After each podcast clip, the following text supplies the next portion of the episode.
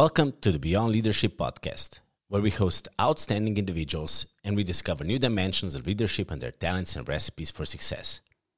Wow, this is our 56th audio tip of the week. Like always, here are some fun facts about number 56. So, what do Adam Sandler, David Schwimmer, and Kiefer Sutherland have in common? Yes, they're all 56 years old. And did you know that barium is a soft silvery white colored metal and has atomic number 56?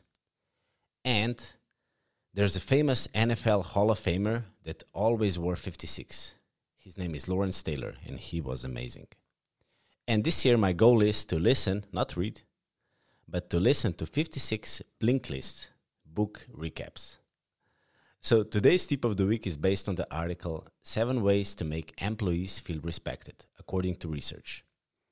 Written by Zenger and Folkman, published in June 2023 in Harvard Business Review. Now, treating everyone with respect is the foundation of good leadership.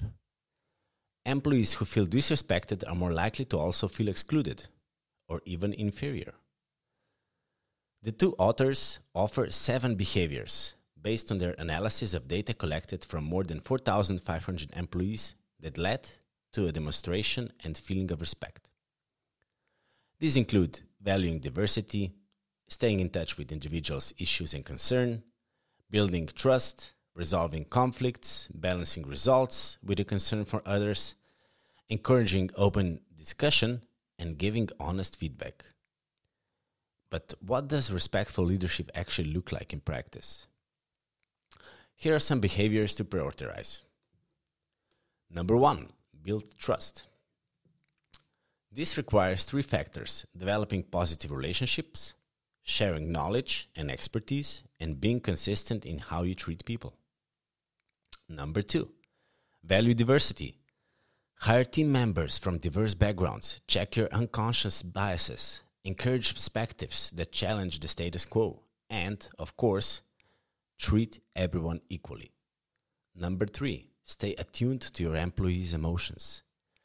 You can't be aware of everything your team members are going through in their personal or professional lives, but you can and you should convey that you're there for them and you should always want to discuss sensitive issues or concerns.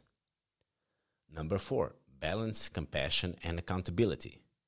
Establish a culture that supports work life balance and make it clear that productivity shouldn't come at the cost of your employees' well being. Number five, resolve conflicts. Don't take a hands off approach when tensions arise on your team. A respectful leader's willingness is always to engage in conflict resolution. Number six, give constructive feedback, but also be productive. Be direct and honest about your employees' strengths and weaknesses. Ignoring or minimizing either is ultimately unkind, counterproductive, and disrespectful. And final, number seven, encourage open discussion. The simple act of asking another person for their opinion is a powerful way to communicate respect. You can further enhance respect by actively listening to opinions that are contrary to yours. This conveys I'm open to a different way of thinking and I want to understand more. And I hold you in high regards, even though we may have different views. Now, great leaders are well respected, but more importantly, they take deliberate, thoughtful steps to show respect for other employees. Now, do you consider yourself to be a great leader? Do you practice these seven ways to make employees feel respected? This was this week's tip of the week. Make sure to subscribe and follow us on all podcast channels like Spotify, Apple, Google, Castbox, and also follow us on YouTube, LinkedIn, Instagram, and Facebook. And we also have a brand new website called beyondleadership.si. Till next time.